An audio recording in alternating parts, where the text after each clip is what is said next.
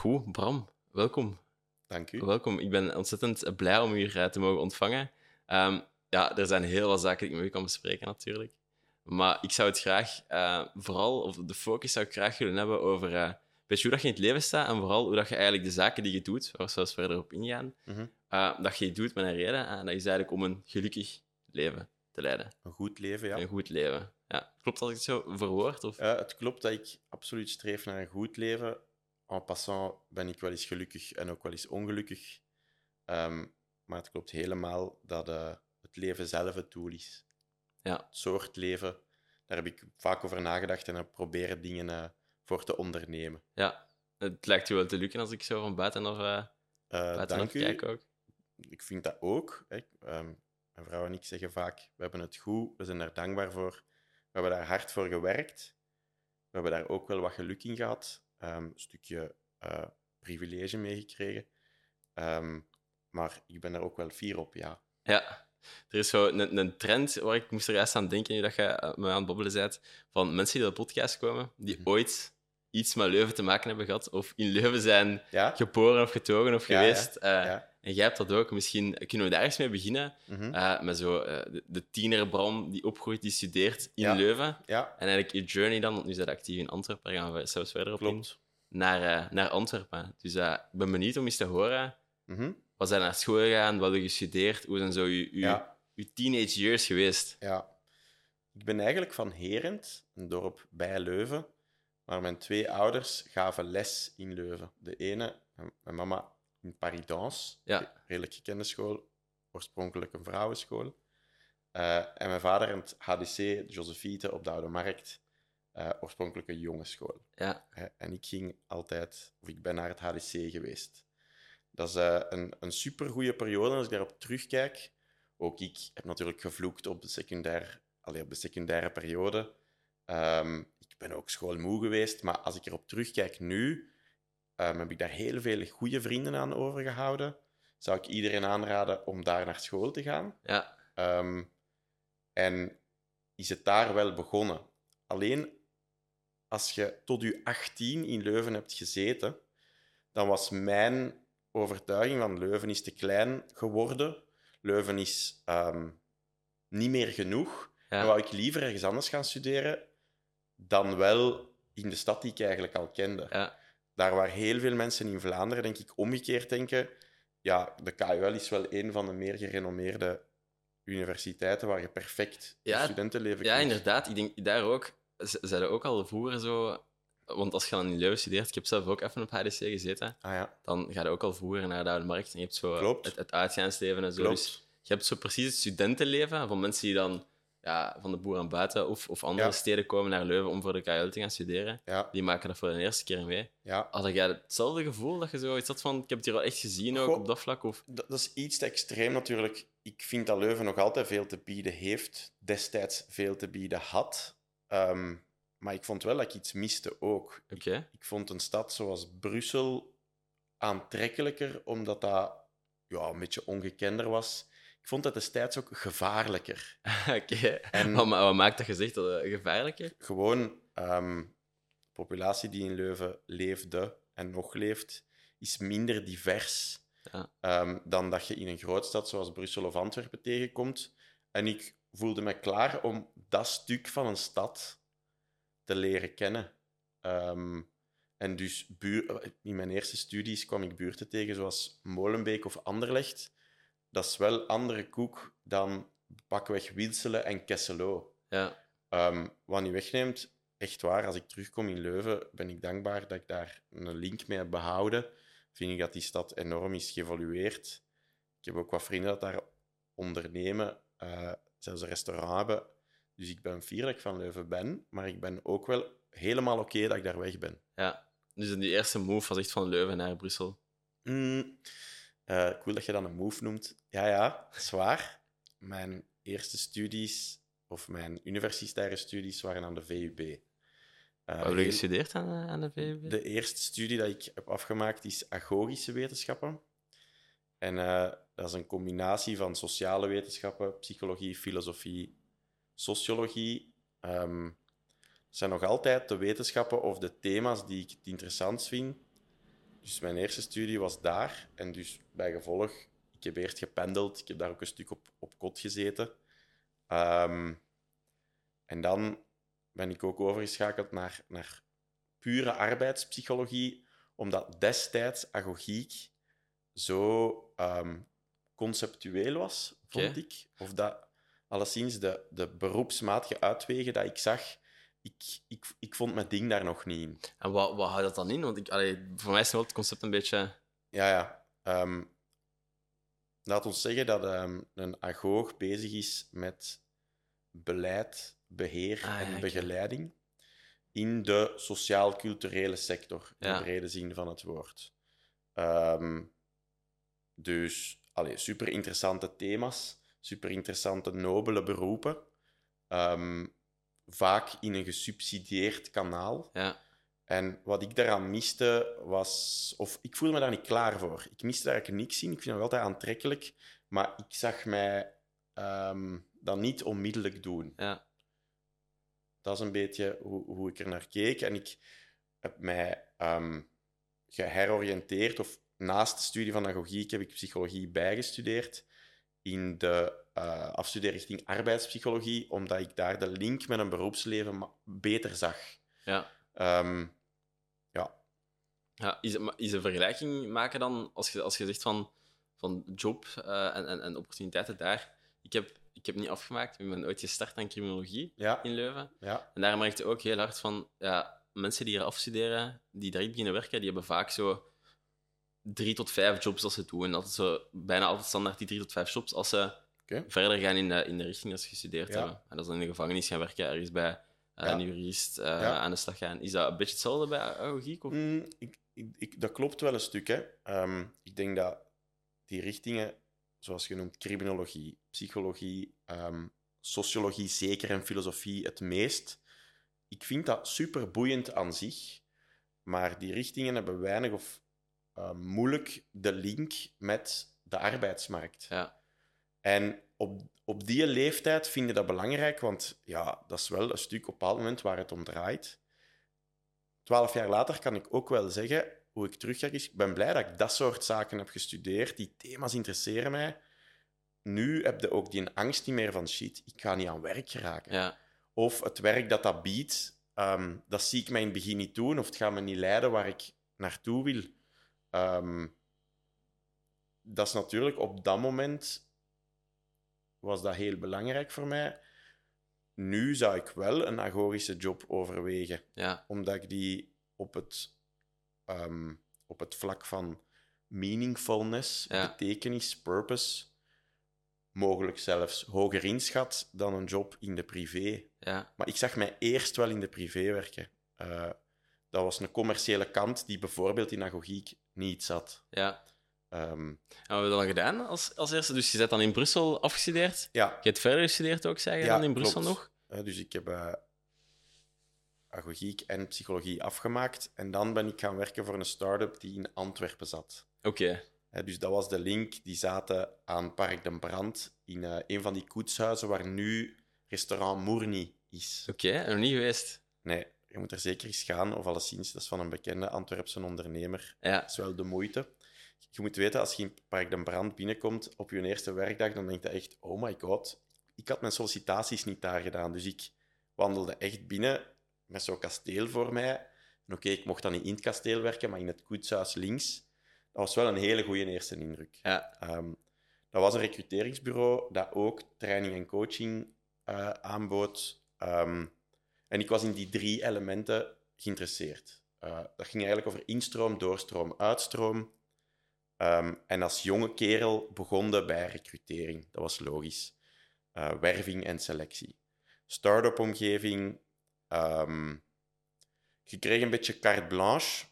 Heel resultaatgericht. Ook wel performance gedreven en bonus gedreven. ja, dus echt een hustle-omgeving. Ja, Toch wel vak en echt... eh, zeker wel een stukje je eigen markt creëren, je eigen business creëren, vervolgens een goede service leveren en dan hopelijk iemand die een job vindt bij een klant die u de kans had gegeven om die vacature in te vullen. Super boeiend. Ehm, ik, ik was daar zeker wel goed in ook. Dat was ook leuk, dat was mijn leeftijdsgenoten. Ehm, ik, op een bepaald moment kreeg ik ook de kans om stagiairs aan te werven. Ik kreeg zelfs de kans om, dat heet dan branch manager, in zo'n eh, in zo'n verhaal een stukje leiding te geven. En weet je, ik zei op alles ja en ik deed Ja. dat. En, en ehm, dat is eigenlijk ook... eh, ik heb daar goede herinneringen aan. Hoewel dat dat bedrijf na drie jaar ongeveer, ik zat daar twee jaar en een half... En hoe oud waren toen als je dan Ja, dat was echt mijn eerste job. Dus hoe oud was ik als ik afstudeerde? 25, 26? 24, denk Ja. ik. Het was 2011. Ja. Ehm, drie jaar later kwam die ondernemer naar mij en die zei: eh, Mannen, we gaan failliet. En ik zoiets van: Oh my god, Ja, wat, shit, wat ja. zeg je eigenlijk? Ik had zelf ook niet zo in aankomen, want ik deed het eigenlijk goed. Ja. Ehm, ik verdiende goed. Ik had het gevoel dat wij een goede job deden. Maar blijkbaar in, in, ehm, op de achtergrond waren er fouten gemaakt financieel. Ah ja. Ehm, goed, dat kan gebeuren. Ja. Dus eh, ik was daar wel ontgoocheld over. En ik dacht toen van... Oké, dan moet ik verder. Ik, eh, ik wil recrutering niet opgeven. Ik wil nu in een grote groep hetzelfde doen. Ja. Eh, en dan ben ik bij de Adecco-groep beland. Adecco is gekend van het interim-segment, maar daar zat ik niet in. Ik zat in een, in een hoger segment, waar dat je eigenlijk de expert-management-functies doet in sales en marketing. Oké, ja. Ja. Dus ik kreeg eigenlijk daar de kans om ook zo'n branch op te richten. Ehm, maar wel met de zekerheid van, ja, die Adecco gaat hier niet failliet gaan. Ja, ja, ja. Als ik het niet goed doe of wel goed doe, ja, dat wou ik niet meer meemaken. Ja. En ehm, daar ook ongeveer drie jaar ehm, mijn ding mogen doen. Heel fijne mensen mogen eh, aanwerven. Ehm, ja, alleen dat vak geleerd van externe recruiter. En ook nog echt collega's die ik nu nog zie ook. En dan beseft, oei, het werknemersstatuut, dat gaat niet werken voor mij. Dat, dat, ehm, En wat maakt dat dan? Dat je, Goh. dat, dat, je die dat je besluit neemt? Ehm, hoe dat ik daar nu naar kijk, want dat is, ongeveer zeven jaar geleden, hè, is ik voelde dat aan. Ik merkte gewoon van, eh, ik heb niet zoveel context en structuur nodig om hier een goede job af te leveren. En ik word niet per se blij van de voordelen Ja. die een werknemersstatuut ongetwijfeld geeft. Uh, Integendeel, ik word eigenlijk super ongelukkig daarvan. Hmm. Ik zag daar kei, over thuis. Ik, ehm, ehm, ik verheerlijk het ondernemerschap. Ik Ja. verheerlijk het zelfstandige statuut. Dus eh, op een bepaald moment heb ik die sprong gewaagd. En eh, ehm, ja, tot nu eh, ben ik zeven jaar in dat statuut actief. Ik heb ook nog zeven jaar recrutering verder gezet op een heel verschillende manier. Ik vond het eigenlijk leuk om op het juiste moment in een bedrijf te mogen recruteren. Dat, dat betekent, eh de meeste bedrijven recruteren wel in bepaalde cycli. Ja. Niet elk bedrijf recruteert constant. Je hoopt dat ook voldoende mensen blijven. Ja. Maar er zijn momenten dat ze heel hard focussen op recrutering, dat ze dan strategische prioriteit noemen. En dat vond ik het moment om aanwezig te zijn. Omdat dan bougeerde, omdat je dat mocht ondernemen, omdat dan mocht gebeuren. Ehm, zo in de voedingssector ehm, terechtgekomen, in de techsector een stukje mijn strepen verdiend, eh, tot op vandaag. Eh, ik het gevoel heb dat ik het meesten heb gezien Ja. in recrutering. Zowel qua profielen, eigenlijk de, de hele race hem gezien. Dus weggegaan van sales en marketing en echt gewoon generalistisch geworden. Ehm, ook qua sectoren genoeg kunnen kijken van wat zit waar. En, en, en tot op vandaag eigenlijk heel kritisch ben op welke opdracht neem ik nog aan. Ja. Ik moet zeggen, vorige week of twee weken geleden belde het Rode Kruis. Ehm, Oeh, dat is wel cool. Ah, ja. ja. veel meer social profit. Ja. Ehm, en daar zei ik tegen, oké, dit heb ik echt nog niet gezien, dat zou ik wel graag willen doen. Ja. Maar eh, allee, als puntje bij paaltje kwam, wouden zij liever iemand op de payroll. Ik ga niet weg van mijn freelance statuut. Dus dat is niks geworden. Maar dus ik, ik sluit niks uit op recrutering, maar ik zie dat wel als eindig. Ook omdat ik ondertussen andere dingen heb gedaan Ja. die ja, ook veel van mijn tijd vergen. En, Ja. en ik zie het wel daar, op Ja. dat vlak. Als er nog iets leuk komt, graag. Ehm, de laatste opdracht heb ik ook echt als leidinggevende mogen doen, wat ook wel een uitdaging was. Ehm, allee, dus er zijn nog opties, maar als je 12 jaar dat vak doet, Ik begrijp het, ja, ik begrijp het. Dan zou het ook kunnen En dat ook- dat stuk ja. uit, En ook omdat je, omdat je andere interesses hebt. Hè. Ehm, Ja. Maar misschien een vraag die, die ik daarop heb, je zei net sales en marketing, is dan... Begrijp je dat juist? Dat je dan vooral op sales en marketing profielen focussen? Ja, Ah, oké. In het begin Dat is voor enkel mij... sales en marketing. niet. Ja. Dus eh, in het begin, eerste 2,5 jaar enkel sales en marketing. Periode bij Showpad, enkel sales. Ja. Dus op den duur denken ze dan, ah ja, dat is een sales recruiter. Ja. En dat, dat was ook zo. Alleen ja, dat, dat werd iets te eentonig. Dus ik vond het na een tijd heel leuk dat ze mij ook een R&D-profiel lieten Ah ja, zoeken, ja, of een. IT-profiel of een finance-profiel. Ah, nee, ja, oké. Ehm, als je generalistisch kunt werken, dan, dan leer je ook wel meer. Ja. Het is doordat je alle profielen in een bedrijf wel eens tegenkomt, dat je zoiets hebt, ah ja, ik leer dat bedrijf op heel veel manieren nu kennen, vanuit verschillende perspectieven. Dat vind ik ook het boeiendste aan, aan dat vak, is dat je een bedrijf leert kennen heel snel, omdat je, je hebt tien vacatures in verschillende departementen. Al die departementen kijken anders naar Ja. die een business, waardoor dat jij heel snel een idee krijgt van oké, wat speelt er bij finance, bij IT, bij R&D, bij sales, bij marketing, bij Ja. management. En ik kan mijn steentje bijdragen op elk van die departementen. En dat vinden we interessant ook om, om Dat te is kunnen doen. de drijfveer om recrutering Ja. te doen als freelancer in een nieuwe sector, in een nieuw bedrijf, met zijn specifieke situatie. Ja. Tot nu toe, ja. Ja. Maar je zit er goed in, hè? Ik denk dat is ook de reden waarom dat wij elkaar de eerste keer gesproken hebben. Ja, dat klopt. Eh, dank u. Ik, ik, ik doe dat vak graag en allee, ik, doe dat wel, ik neem dat wel serieus, dus Ja. ik probeer dat goed te doen. Ja. En wij hebben elkaar inderdaad tegengekomen bij In The Pocket, fantastisch bedrijf, waar ik denk dat jij allee, een heel fijne functie hebt mogen allee, doen of aan het doen Ja, klopt. En waar dat je allee, hopelijk goed ziet. Het tofste is om te horen, bijvoorbeeld van u, maar ook van anderen. Oké, ik zit hier nu een jaar. Bram, het, het was inderdaad de goede keuze. Ja, En, klopt. en het leuke bij ITP was dan, ik kon dat horen vanuit uw invalshoek, maar evengoed vanuit die van uw baas en die een baas daarboven.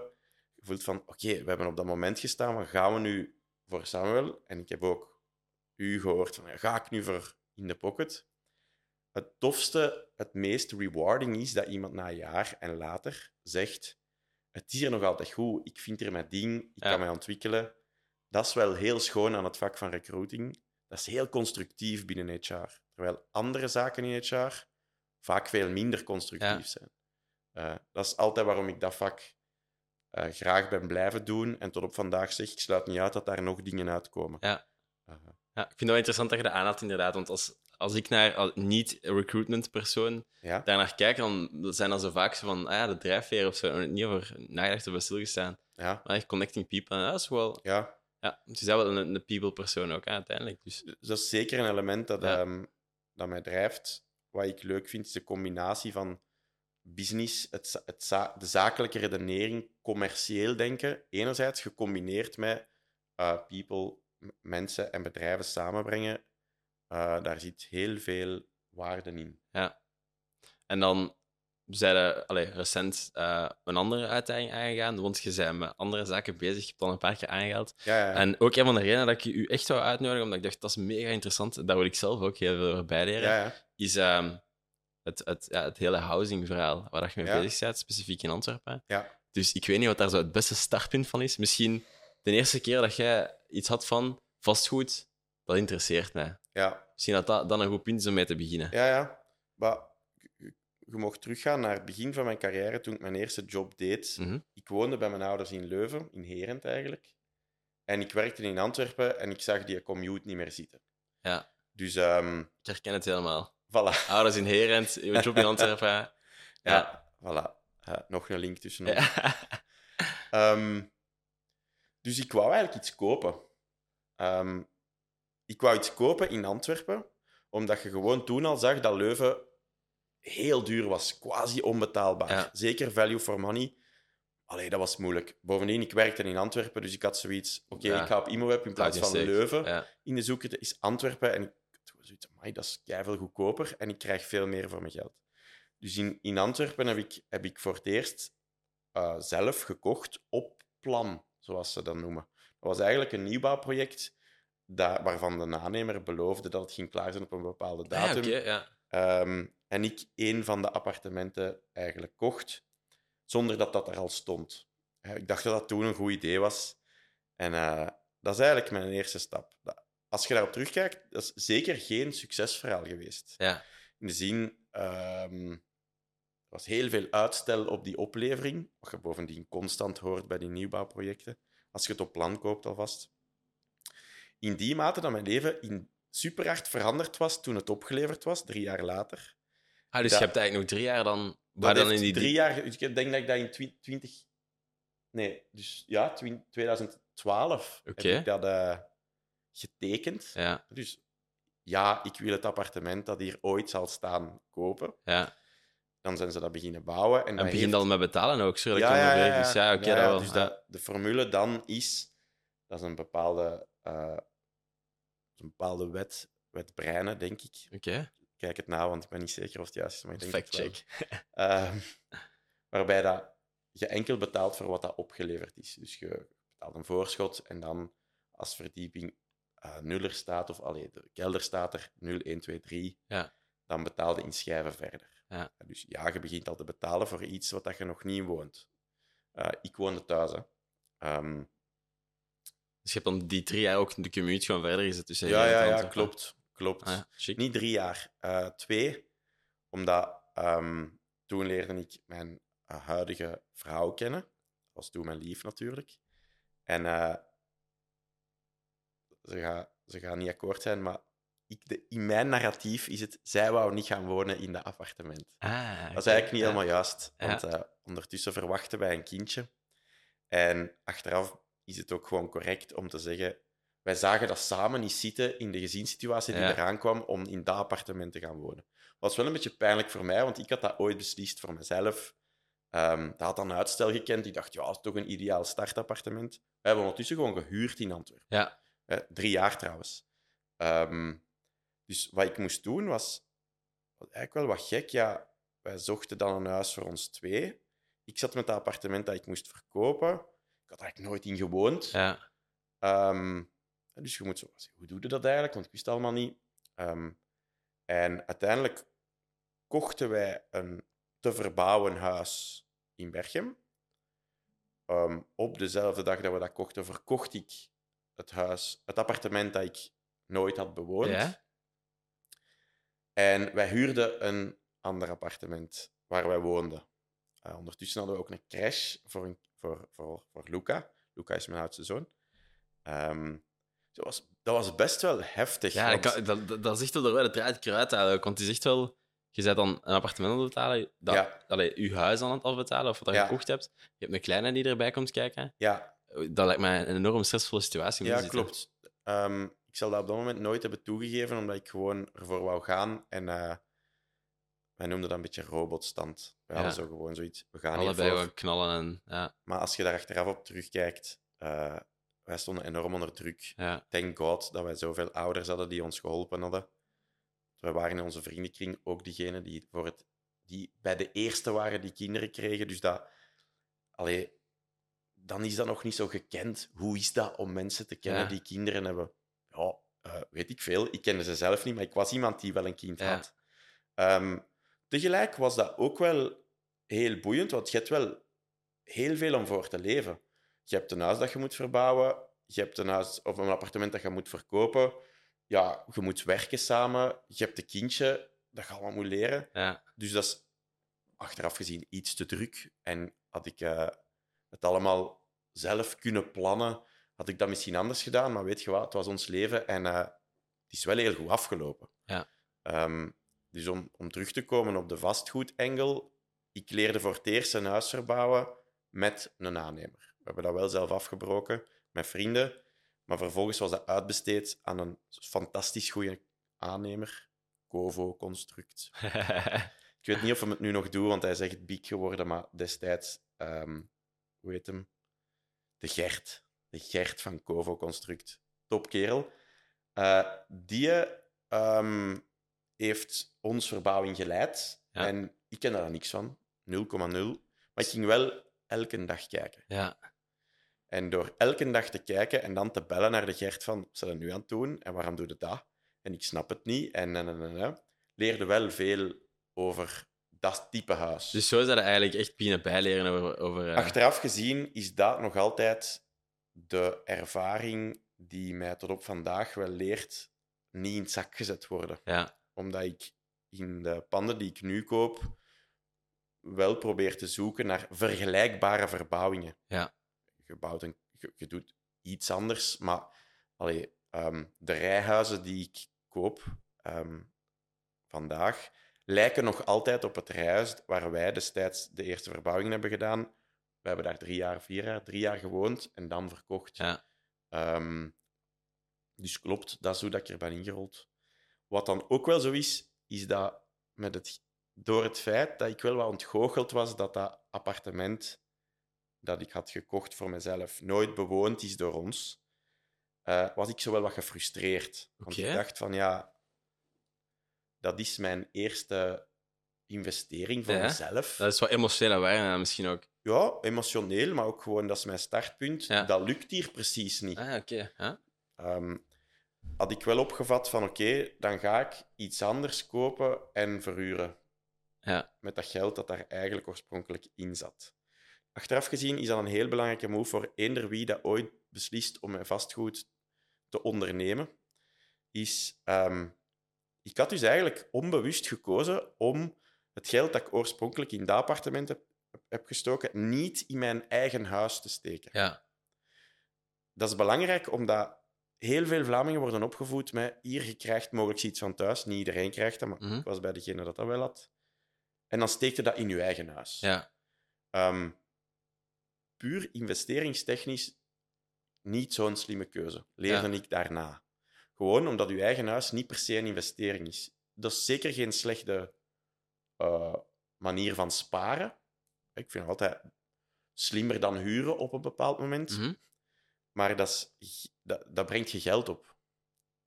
Dat is Nee. alleen een Dus ik wou graag ondernemen met vastgoed. En op dat moment, eigenlijk in datzelfde jaar bijna, ehm, een pand gevonden waar toevallig wel investeringspotentieel in zat.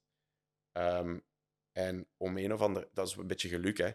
Op dat moment waren dat toevallig twee appartementen in één huis, waar ik van dacht, amai, hier zou ik zelf durven wonen, willen wonen. En deze ga ik gewoon opknappen of laten opknappen. En ehm, vervolgens ga ik dat verhuren. Ja. Eh, en dat is eigenlijk een echte start geweest van... Oh, zo werkt dat eigenlijk. Panden verhuren en, eh, en eh, ja, huisbaas worden. ja. Ehm, Maar je hebt er zelf ook al heel veel voor gedaan, natuurlijk. Hè. Was, je hebt dan echt wel zelf dat allemaal geleid en zo, toch? Ja, klopt. Dus wat ik, ehm, wat ik niet heb gedaan, is fysieke arbeid, of bijna niet. Ja. Buiten dan, ik weet niet of je die serie herinnert, ik herinner de naam niet meer, maar er is zo'n personage in en die heet Haldis. Ah, ja, ja, Haldis de Pinke, Haldis eh, is dat. Voilà, Ja. klopt. Dus ik was Haldis wat isolatie, Eh, Haldis wat parket, Ja, eh Haldis een keuken of Haldis schroeven. Dat was Ja. ik in het begin. oké. Dus ik was wel de eigenaar Ja, en ik had een gast dat dat, ehm, dat wou doen voor mij, maar dat was zo ene die niks wou gaan halen. ah, oké. ja. minder. De Jan. Ehm, en dus ook daar leerde ik veel van, want ik weet niet als jij in een gamma of een brico komt, maar ik vond nooit mijn weg. Ja, ja, ik, tuurlijk. ik weet het niet liegen. Ja, op een bepaald moment weet het liegen. Ja, En weten wat dat je moet, moet zoeken en vragen en, en, en terugbrengen. Want hoeveel keer dat gebeurt dat je terugkomt en dat je zegt, nee, dat, dat was het niet dat ik gevraagd. Doe me opnieuw naar daar. Al is dat. Hè, zo dat. ja, Ehm, en gaandeweg leerde, ja, een, een, je leert een huurder selecteren, wat dan weer heel hard leek op recrutering. Je moet toch ook wel een stukje een goede selectie maken van ja, dat mensen. zal wel. En dat voordeel heb je dan misschien ook als je wint te zeker verhuren. wel, zeker wel. Je, je, je kunt het er goed uithalen. Kun je zo, Goh, ehm, zo bepaalde red flags waar dat je op let als je zo iemand ja, zoekt. laat ons zeggen dat daar ineens wel met een agogische insteek kwam. Mhm. In de huurdersmarkt is superveel discriminatie. Ja. En op het moment dat je kandidaten ziet, praten die daar vaak over. Die, die zijn wat gefrustreerd van hey, ik zoek al lang en ik vind niks. En ik, ik was daar wel gevoelig voor, in de zin, Ja. ik wou niemand uitsluiten. Tegelijk wou ik mezelf ook niet in het zak zetten door iemand te pakken die na zes maanden zegt ik kan het niet betalen, of eh, ik wil niet betalen, of ik breek mijn ik breek uw pand af. Ja. Of, allee, ja, weet je Ja, wat? ja, die zo wel je, wilt wel een win-win. Ja. Ehm, ik zou niet durven zeggen dat ik ze eruit kan halen, Samuel. Dat, dat is echt niet iets wat je... Op een gesprek kunt afleiden. Eigenlijk niet. Dat is eigenlijk vrij privé ook. Ik weet niet wat er binnen iemand zijn muren gebeurt. Ook. Klopt. Je- Ja. ehm, wat ik wel probeerde te doen, is duidelijk zijn in wat ik zocht. Dat is eigenlijk gewoon, ik, ik zoek een correcte huurder en ik zal een correcte huisbaas zijn. Dat betekent, ik zou graag hebben dat op de eerste van de maand ja, de huur op de rekening staat. Ik zeg altijd, zou graag hebben dat je poetst, dus het pand verzorgt zoals Ja. je dat zou moeten doen. En ik zeg ook altijd, ik hoop ook dat je overeenkomt met de buren. Ja. Ik vind dat heel belangrijk. Ik ga, ik ga even een risky vraag stellen. Als Ja. je, ik heb hier net even een, een tour gedaan in het huis. Ja, ja. Als wij huurders zouden zijn, was het in orde geweest? Of, eh, Ja. Behalve de Ja. raten, hè? Die raten die moet ik wel nog, eh, nog een keer aanpakken. Ehm, het was zeker in orde geweest, omdat ik zie, je ziet direct dat jij, je hebt dat ook daarnet aan mij gezegd, jij vindt het belangrijk dat je huis allee, opgeruimd is, heb je gezegd, omdat je anders chaos hebt in je kop. Ja, dat is. Ehm, je ziet, bijvoorbeeld, jij, stelde mij daarnet een vraag over schimmel. Hè? Ehm, by the way, in het huis van de Samuel is eigenlijk geen schimmel. Hij dacht dat er schimmel was. Het ging echt over een halve centimeter. Dat is echt niet erg. Dat komt in veel huizen voor. Ook ik panikeerde toen ik de eerste keer een huurder aan de lijn kreeg hey, het schimmelt hier. Ja, ja, tuurlijk. Hè. Wat is schimmel? Google. Hè? En hoe komt dat en zo? Je leert daar veel over. Ehm, ja, je kunt niet op een eerste gesprek aflezen of iemand ehm fier is op waar hij woont, dat correct gaat onderhouden. Je weet ook niet wat er gebeurt in mensen in hun leven en ik heb er eigenlijk ook geen zaken mee. Ja. Wat ik wel probeer te checken is of iemand correct communiceert. Ik check via WhatsApp. Kunnen die nog, allee, kunnen via mail communiceren of niet? Maar zelfs dan nog, allee, ehm, mijn beste en mijn slechtste huurders had ik niet kunnen inschatten op voorhand. Ja. Wat ik wel cool vind, is, nou, ik, ik doe dat nu zes jaar, ehm, met verschillende panden en verschillende huurders. Eigenlijk is dat supergoed gelopen. Nice. Ja. Eigenlijk moet ik zeggen, allee, ik moet de mensen dankbaar zijn dat ze dat hebben willen huren. Meestal word ik op het einde bedankt van, je bent een correcte huisbaas. En Wat ook, wat ook nice is, hè? wat ik Ja. belangrijk vind ook, ehm, ik heb één verhaal wat me wel even een krak heeft gegeven. Dus ik, heb, ik, heb, ik ben ene keer tot, tot in het vredegerecht gemoeten om Ah, te vertellen, Ja. beste rechter, dit is gewoon niet oké. Kunnen we daar alsjeblieft een regeling voor treffen? Maar wat ik te veel hoor, zijn zo de horrorverhalen. ja, van, maar het eh, is dat, want voordat je eigenlijk kwam, ik heb ook al een paar keer zo met mensen gesproken die Ja, al een appartement hebben gekocht als eerste investering. Ja, Die dan zeiden van, ah, ik heb deze voor gehad, of ja, mijn pa heeft een, die heeft dat voor gehad. ja. Maar, En, maar dat is dus bij u op één keer na niet het geval geweest. eh, nee, klopt. Ik ben daar nog altijd tevreden van. Maar, maar niet iedereen is eh, bereid om huisbaas te zijn op een manier dat dat ook correct is. Ja. Ik bedoel, ik word ook... Wel, die- er worden dingen gevraagd van mij om op te lossen. Er Ja. lopen dingen mis. Mensen komen dingen tegen. Ik ga ook graag in gesprek als iemand zegt... Ik heb zo één uurder over laatst gehad. Die zegt, ja, ik werk in een bouw en ik heb... ehm, ik heb eigenlijk mijn... Weet ik veel wat, verrokken. Hij had iets met zijn been Ja? eigenlijk opgelopen tijdens de verhuis van de meubels naar mijn appartement. Zegt daardoor heb ik drie maanden niet kunnen werken. Ja. Dus ik heb nu geen inkomsten. Slik, maar ja, oké. Dat eh, is niet fijn voor u. Ik heb er eigenlijk wel veel empathie voor. Ja, tuurlijk. Ja, wat stelde voor? Ja. Ja. Ja, ik stel voor dat ehm, de uur binnenkomt tegen maand 2 in plaats van maand 1. En dat we allemaal, alles in orde is tegen dan. Ah, Dat apprecieer ik. Dat is iemand Ja. die initiatief neemt en die eigenlijk zegt: Oké, ik heb deze voor. Eh, kunnen we klappen in Ja, ja, ja, ja. Dat is oké. Ja. Dat is oké. Ik zeg nu niet, ik heb chance gehad dat ik dat niet in jaar 1 heb voor gehad. Want in jaar 1 zit er hangt er veel meer af van die investering. Moeten ze Ja. nog op tijd ook betaald. Ja. Meer druk, misschien al iets meer breed Ja. daarna. Ja, Ja, oké. Ehm, maar zoals ik zei, ik heb daar ook wel een sociale insteek, omdat ik weet, de appartementen die ik verhuur, zitten in het segment net boven de sociale appartementen, Ja. sociale verhuur. Hè? Dus eh, zes jaar geleden was dat aan... Probeerde een correct appartement te verhuren rond de 600 Dus er euro. zijn echt segmenten in. Misschien daar even, want Ja, ik ben echt een leek trouwens hè, op, Wel, op dat vlak. eh, ik heb daar straks gevraagd, ehm, waarom dat je deze appartement hebt gekozen, Ja. wat je er goed aan vindt, wat je ervoor betaalt. Ehm, dat is een hoger segment waar jij in zit. Ja. Dat, is ook, dat is heel mooi afgewerkt, dat is heel correct. Ehm, ik zit in een lager segment. Ja. Laat ons zeggen, je weet, een gouden regel is, je betaalt ongeveer een derde van je, van je salaris naar huur. Ja. Dat is, dat is niet altijd realistisch voor mensen. Hè? Ehm, ik zie dat in loonfiches die ik opvraag, van op het moment dat ik vraag van ja, oké, hoe ga je een huur betalen, vertellen mensen me dat wel. Ehm, je kunt het uitrekenen, hè? als je 600, 600 euro vraagt voor een appartement, dan zullen ze rond de 1800 euro verdienen. Ja. Sommigen verdienen wel iets minder en legden mij uit, ik zorg dat het in orde is. Ja. Oh ja, oké. Ehm, maar wat ik daarmee wil zeggen is, ik vond het heel, heel leerrijk om te zien wie daarop afkwam. Ja. Omdat ehm, jij en ik zijn hooggeschoold, werkten in tech tot voor kort. Allee, we werkten in hetzelfde bedrijf. Door een band genomen is dat een, bepaald, een bepaalde populatie in de, in de bevolking die behoorlijk geprivilegeerd is. Wij hebben Ja. het goed, we hebben gestudeerd. Ehm, wij komen in een tof, allee, sociaal verantwoord bedrijf ehm, dat goed geleid wordt. We hebben het goed. Wat je tegenkomt op het moment dat als verhuurder Mhm. zijn heel uiteenlopende mensen van ehm, iemand die net in België is en eigenlijk nog geen werk heeft en huur eh wilt betalen voor een appartement, iemand die in een bouw werkt, ehm, tot iemand die net start aan zijn carrière, Ja. tot iemand die op de ziekenkast leeft. Ja.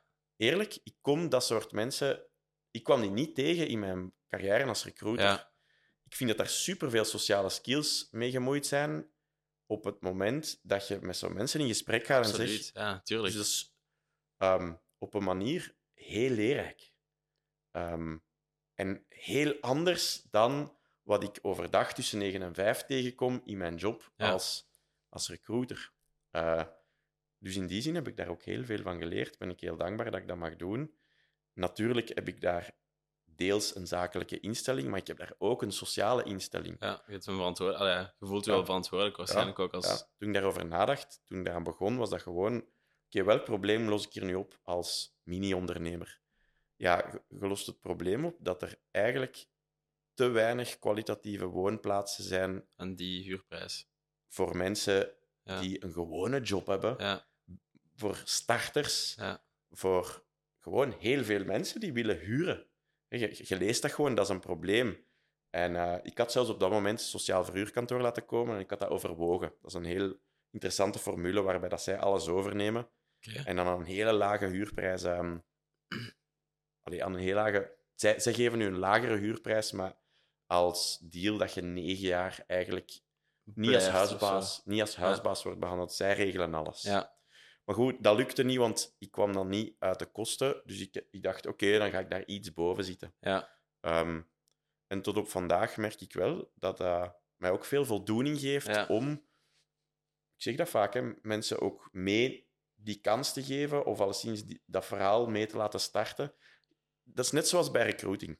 Als je mensen tegenkomt in een selectiegesprek, staan die meestal op een kruispunt in hun leven. Die vragen zich af of dat het bedrijf waarvoor dat jij recruiter bent het juiste is om te gaan doen. En toch geen onbelangrijke keuze. ja, Dat is exact hetzelfde kruispunt ja. op het moment dat ze die woonst kiezen. Ja, ik zie de vergelijking inderdaad wel. Ja. Dus, ehm voilà. Ja. En voor mensen die dan zo beginnen eh, in vastgoed, is dan dat zo het segment waar dat je zou aanraden van? Goh, Of hoe kijk je daar eh, zelf naar? ja. Zijn je daar nu van aan het afstappen of, of blijf je wel in dat segment ook vooral actief? Of wil je een keer iets anders proberen? Eh, ik, ik ben zeker iemand die wel een keer iets anders wil proberen. Ja. Dus als ik hier dan rondliep daarnet, dacht ik, damn, dat is toch ook wel iets tof. Ja, En ehm, je hebt me dan zo wat cijfers gedeeld, dus dan, dan ben ik al aan het rekenen, van zou dat ook kunnen? Ehm, ik, ik heb niet direct het antwoord daarop. De- de- of dat ik dat zou willen doen, ja. Ehm, het was geen kwestie van willen destijds. Hè. Eh, Samuel, ik was ook een jonge gast dat naar een bank moest. ja tuurlijk. En ik moest de strategie hanteren die heet Buy the ugliest house on the block. Ja. Dus wat ik kocht was in slechte toestand. Ik moest elk huis of elk pand, ik kocht units, hè, dus ik kocht eh, binnen een, een huis van drie verdiepingen één unit. Ik, Ja. kon niet heel het huis kopen. Misschien daar ook, want je, je, pakt dan één unit. Maakt dat uit dat die andere units dan misschien niet in dezelfde staat zijn als die unit die je aan het, aan het verbouwen bent? Eh, Is dat ook de zo waar je huis- rekening moet houden? Eh, dat is, ehm, ik zal u zeggen wat er gebeurt als je er geen rekening mee houdt. Ja. Dus op, ehm, in een latere fase kocht, eh, kochten mijn vrouw en ik een vergelijkbare unit ehm, als dat wij altijd kochten. En wij kochten die op het tweede verdiep. En op het eerste verdiep kocht iemand anders. Uh-huh. Eh, eigenlijk een, een eh, collega Flipper. Ik heb die Oké. la- later beter leren kennen. Een Hakim, toffe gast. En die verbouwde trager dan wij. Dus een van de doelstellingen is als je verbouwt, is dat je dat zo snel mogelijk Ja. doet. Want hoe langer dat je verbouwt, hoe trager dat je kunt verhuren. Ja, en hoe langer dat... Ja, hoe meer dus- kosten je hebt eigenlijk. Ja, dus we- ik ben ehm, ondertussen goed geworden in eh, correct en snel verbouwen. Ja, en wa- wa- wat is zo'n timeframe dan, als je zegt correct in snel bouwen? Ja, Op het moment dat je dat- af van het De sleutel hebt, Ja, ongeveer, hè? Dus wat ik Ballpark. probeer te doen, is eh, een aannemer engageren om op de dag dat ik akte verleid, heet dat, hè, dus de akte teken, krijgt een aannemer ook de sleutel en begint die. Dat is een van de criteria om, om, om ja te zeggen. Ja, Het heeft geen zin om tijd te verspillen. Hè. ja. Ehm, een appartement, ja, hangt heel erg af van wat, dat je, wat dat je wil doen. Maar ik denk dat wij dat appartement op één maand correct hebben verbouwd. Maar dat was een, meer een esthetische verbouwing dan een structurele. Ja. Hè? Dus structureel is Het is een ander soort en daar komt veel meer bij kijken structurele verbouwing. herbezetten, Ja, elektriciteit, water, ja alles moet echt worden. Allee, Ja. Als we over een huis spreken, misschien straks dan, allee, dan spreken we daarover. Daar ging het eerder over ehm, ja, een nieuwe parket erin, een nieuwe keuken erin, uw badkamer opfrissen, allee, kleine dingen. Hè. Ja, een klein unitje kan op een maand. Ja. Ehm, als je de juiste personen vindt die toevallig tijd hebben, die binnen je price eh, punt gewoon mee willen, Ja. Ehm, alleen, om op uw vraag te antwoorden, wij waren klaar, maar de Hakim daaronder, die ging het anders aanpakken. Die gingen wat trager werken. Aleis. Ehm, ja, balen, want ik kon mijn ding niet verhuren. Ah, ja, tuurlijk. Ja. Want die was echt nog aan het boren en aan het kappen. Ah, ja, en aan, mensen worden dan van. Nee, ja. Ja. Dus moeten daarmee rekening houden. Ja en nee. Allee, ja, wij moesten dat doen. Maar dat was wel op verschillende manieren een, een pand from hell. Ja, ja, snap ik. Dat was ook nog eens COVID. Dus eh, dat Oh, was ja, 2020. Dus dat, allee, heel die toevoer, eh, supply chain, die, die lag wat stil. Dus het was niet zo evident om materialen te vinden. Zo, dus Ja, ja, inderdaad. Want al die materialen gingen ook omhoog in prijs. Hè, dus dat was nog eens duurder. ja, ja. En eh, vooral, dat was niet te krijgen toen. Dat was echt Ja, ah, 2020. Dat was echt het begin. Eh, wij waren in lockdown toen. Hè, Ja. Dus je mocht niet buiten, zo gezegd. Hè.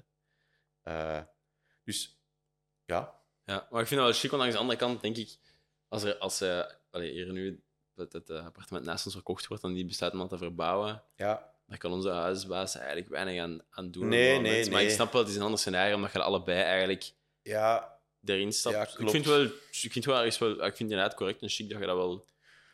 Ik denk ook altijd, ja, daar wie gaat dan mee nu willen huren, terwijl dat hem, als hem tijdens de bezichtiging gewoon hoort dat de drillboor aan staat.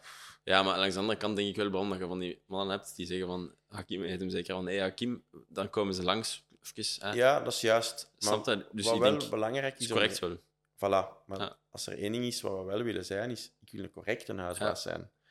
Ehm, niet heiliger dan de paus. Hè. Ik, ik, ik snap u, hè. ik had kunnen zeggen in transparantie aan een huurder, kijk, je mag het hebben, maar je gaat de eerste maand last hebben. Ja, Of kijk, je kunt al zien, maar je moet misschien nog twee maanden wachten. ja. Ehm, maar wat ik wel probeer, ik probeer correct te verbouwen. En ik denk op lange termijn, ja, op lange termijn gaat u dat ook wel, gaat er ook wel meer, ba- gaat er meer baat bij hebben dan, Ja. dan als je dat niet zou doen. Ja. Dan krijg je ook een naam. En, Ja, Allee, je hebt zo van die, van voilà. die vastgoedclowns, letterlijk, hè, die zo mensen in zachtstellingen en rechts. Ja. Zo wil je niet zijn. Eh, zeker niet als je Nee, erin wilt groeien, wat dat je nu aan het doen bent. Hè. Je bent er echt wel Ja. meer en meer gradueel mee bezig. Ja, Eh, klopt. Wat is uw, ja, hoe ziet uw, uw journey er nu uit in vastgoed eh, de komende jaren? Ehm, Want ik had gezien, misschien, sorry dat ik je onderbreek, Nee, nee, in de nee. voorbereiding, eh, dat je zoiets vermeldde van, ja, ik heb wel een doel om op vijf jaar, dacht ik, ehm, ja, met vastgoed toch zo wat meer daarvan mijn inkomen te maken. Of daar wat meer van... Ah, wel, op een bepaald moment vond ik het een interessante gedachte om minder afhankelijk te zijn van een klassieke job. Ja, Dus dan versta ik daaronder, je wordt betaald voor de tijd dat je verhuurt aan iemand anders. En je krijgt elk, elke maand een loon. Ehm, allee, versta me niet verkeerd. Ik vind dat echt een goede manier om eh, ten eerste te werken en geld te verdienen. Maar ik vond het nog interessanter om na te denken: hoe kan ik mijn inkomen uit een alternatieve bron laten komen die niet zo veel tijd kost? ja, Dat, dat is een stukje vanuit eh, wat ik las over FIRE. Ehm, daar kunnen we het straks over hebben. Dat is een stukje omdat ik op dat moment in mijn leven enorm hard, enorm weinig tijd had, omdat wij ja, eh, een baby hadden. ja, Eh, wij werkten allebei. Ehm, wij stonden aan het begin van onze carrière. En eerlijk zijn momenten op het eind van de maand geweest dat mijn vrouw tegen mij zei: ja, Ik kan mijn lenzen niet betalen. Eh, ja, wel kloten. Want Ja, eh, wij werken toch hard en, en hoe kan dat nu? Ehm, maar het, hetgeen dat ik het hardste miste was tijd. ja, Tijd voor jezelf, tijd voor hobby's. Tijd om even na te denken: wat wil ik nog? Buiten Ja. gewoon robotstand. ja, Ehm, en mijn middel om daar naartoe te werken was vastgoed. Ehm, omdat ik wist, als een pand één, eenmaal verbouwd is en je hebt een goede huurder, ja, en je krijgt die huur binnen en je, je, je verdient daar een stukje op, dan vind ik dat alvast een passiever inkomen dan je actief inkomen, waar dat je elke dag van Ja. moet gaan werken. Geen probleem om beide te doen, maar wel leuk om een alternatief te hebben. Laat, ons, laat, laat dat dan de ondernemende gedachte Ja. zijn eh, in, in mij. En zoals altijd, ik heb daar hard voor gewerkt, heel doelgericht over nagedacht en, en op, op uitgevoerd en wat geluk gehad. Op een bepaald moment komt de pand tegen, je denkt echt, wow, als het zo kan, ja, dan gaan we dat doen. Je komt bij eh, je financieel adviseur en die legt je wat dingen uit en die zegt, oh, dat wist ik helemaal niet, maar als het zo kan, dan kan dat ook. ah, ja oké. Dus het is de hele tijd, eh, dat is zo'n gedachte die ik bij In de Pocket heel hard heb geleerd. Hè. Dat is het agile gedachtegoed van je, je, je begint al terwijl je bezint. Ja, Daar waar mij is uitgelegd in de Vlaamse klei. Je bezint eer je begint. Pas toch op. Oei, ja, oei. ja. Ehm, typisch risico-avers gedrag. ja, Hè, terwijl het meeste heb ik geleerd aldoende. Ehm, ik, ik ben niet technisch opgeleid, dus ik ken niks van een ketel, elektriciteit, ja, ja, nee, inderdaad. Ja. whatever, van schimmel. Ken daar niks van, of ik kende daar niks van. Maar je wordt verplicht om dat op te zoeken. Want en je wordt ermee geconfronteerd. Je Gewoon. wordt ermee Voilà. geconfronteerd. Tuurlijk, je moet het oplossen, je hebt geen keus. Op een bepaald moment moet ik wel zeggen dat, ehm, dat het te veel werd. Ja, we hadden eh, ondertussen wij eh, ook de Milo. Milo is ondertussen vier jaar. Dus we hadden twee kinderen. Ik heb een heel hardwerkende vrouw. Eh, ik heb zelf ook altijd gewoon een dayjob gedaan. Hè. Ehm, en dan komt dat vastgoed gedoe daar wel bij. Hè, die, die een telefoon van, weet ik veel, schimmel Ja. of ehm, er werkt iets niet, of eender wat, die, die moet opgelost worden na de uren. Want ja, tijdens de 9 to 5 werkte, by the way, die een huurder werkt meestal ook. Ja. Ehm, Misschien dat, dat nog direct een, een, vraag bij heb. Als je, als je nu zo uitlegt, er zijn heel veel positieve kanten aan. Ook dat risico-avers gedrag dat je zegt dat de meeste mensen, waar we eigenlijk in België toch wel een beetje mee opgroeien. Allee, Ja. als ik spreek niet over ja, mezelf ik ook. ik hè. ook, ik ook, ja. Dat was bij, bij ons ook wel eh, nog altijd eigenlijk, dat je dat wel merkt. ja. Maar dat je dan merkt, nu, dat je dat wel aan het doen bent, daar komen waarschijnlijk ook wel wat dingen bij kijken die de meeste mensen zo niet zouden beseffen. Ja, Want je moet wel, je zegt daarnet van ja, met dat lensvoorval, dat ze geen lenzen kon kopen, ja, je hebt ook wel ergens een, een, een risico of een bepaalde verwachting ja, voor jezelf gecreëerd die je moet behalen. ja. ja. Ehm,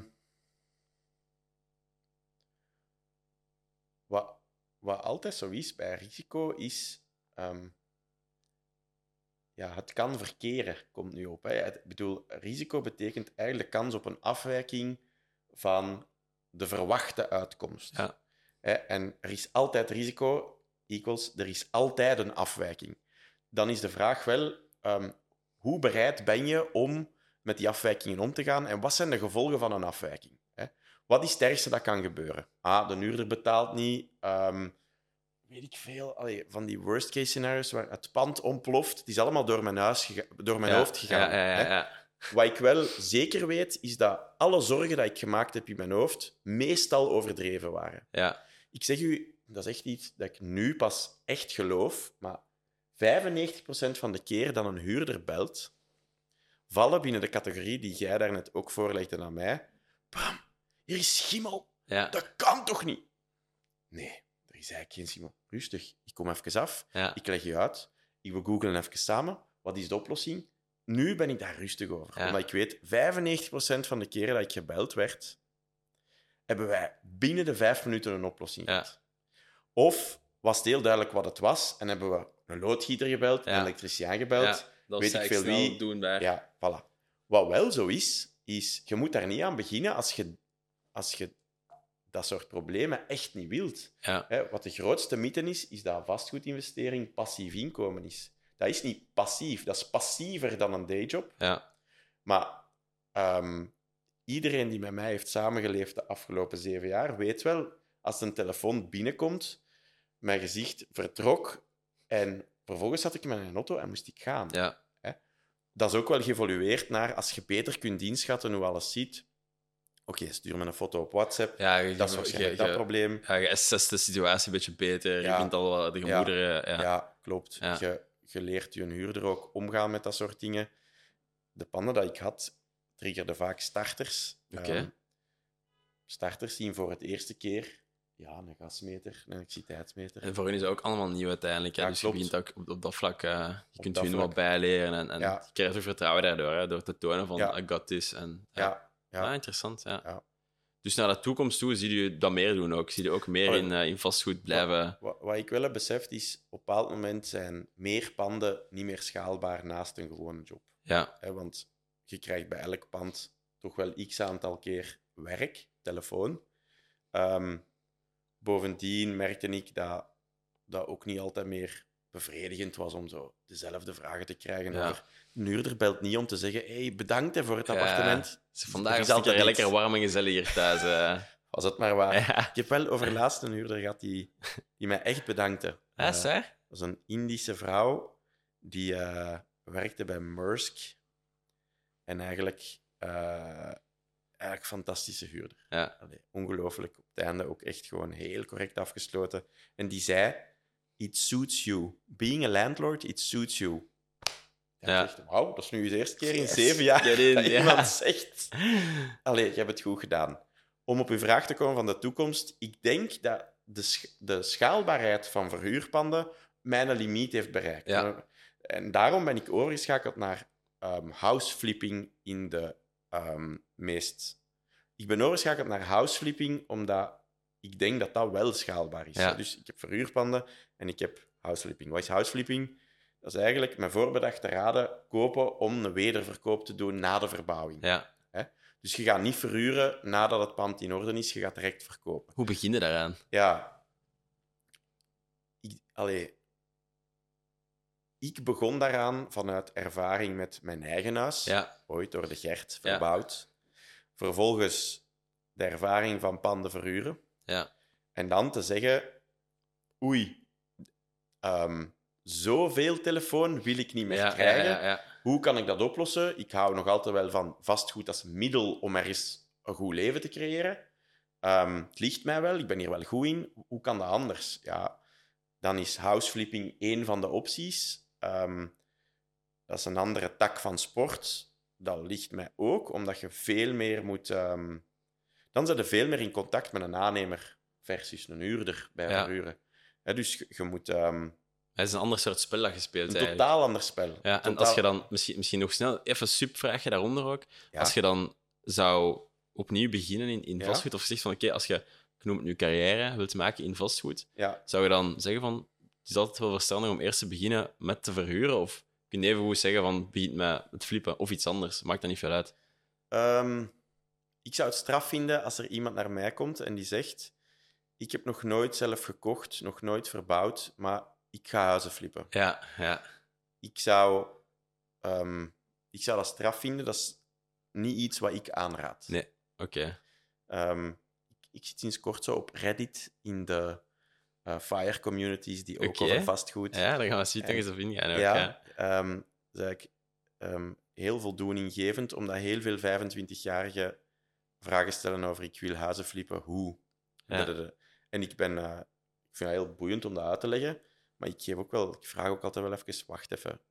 Heb je al, heb je al gehuurd? Heb je Ja. al gekocht? En al verbouwd? Want een huis flippen is wel... Is echt niet voor iedereen. Want anders zou iedereen dat doen. Dat is enerzijds mijn perspectief. Mijn ander perspectief is... Het is ook niet zo complex. Ja. Allee, je kunt dat makkelijk uitleggen. Ja, You buy the ugliest house on the block. Je verbouwt dat van een EPC F naar A of B. En vervolgens verkoopt je dat. ja. Simpel uitgelegd. Maar het is niet voor iedereen, want anders zou iedereen Nee, daar komt heel veel bij kijken dat je on the surface niet, niet kunt spotten. Heel veel bij Ja. kijken. Heel veel stakeholders, heel veel stapjes. Elke stap dat je ze echt zou misgaan, Ja, ja, eh, loopt er wel een veel ja, groter risico. Ja, tuurlijk. dan- Ja, dat is een serieuze kost die daarbij kan, kan gepaard komen. Ja. Dus, ja. Ja, klopt. Ehm, dus als je me vraagt, waar raden aan, is... Ik zeg wel nog, volgens de Vlaamse filosofie, begin klein. Ja. Een studio, een klein appartement. Ehm, de verbouwing van een klein appartement is, heeft een totaal andere impact dan de verbouwing van een volledig huis. In een verhuurpand kun je ook in stukjes soms verbouwen. De keuken is nog goed genoeg, we doen die eh, bij de volgende. Ja, Ehm, de parket is nog goed genoeg, ja, of de laminatie nog goed genoeg. Of ehm, ik ben nu aan het kijken naar zo de, de kapjes van uw eh, schakelaars. Zijn nog goed genoeg? ja, Weet je? ja. Dus dat is wel goed, omdat je daar wat tijd koopt. Bij een flip moet het allemaal in één keer juist zijn. ja. Ja, oké. ja, je kunt dat huis ook niet testen. Nee. Een, een, een, een verhuurpand kan ik testen. Je kunt daar zelf in gaan worden, wij van spreken. Ja, tijd, of... testen bedoel ik eerder. Ik kan aan een huurder zeggen... Kijk, ik heb hier zelf nooit gewoond. Ah, ja, dus ja. jij gaat op een bepaald moment het huis beter kennen dan ik. Dus ehm, weet dat op voorhand. Weet dat ik er daarvoor ben. Het zou kunnen dat weer dingen meemaken. Ja. Ik ga dat oplossen. Maar dat is een situatie waarvoor je kiest. Is dat oké voor u? Als die nee zegt en die, en die doet dat niet, is dat voor mij fijn. voilà, dan heb je iemand anders die dan... Ja, voilà. Ehm, dus ik zou zeker, ik zou zeker zeggen, eh, begin klein.